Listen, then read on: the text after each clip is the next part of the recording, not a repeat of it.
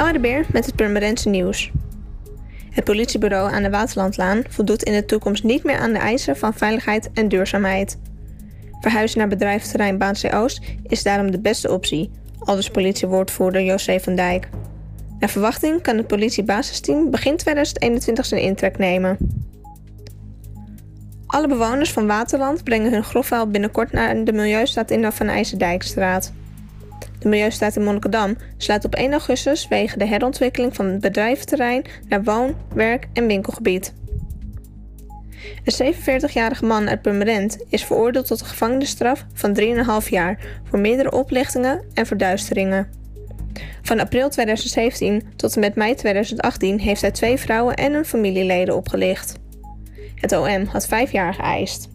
De man was in 2006 al eens eerder veroordeeld voor oplichting.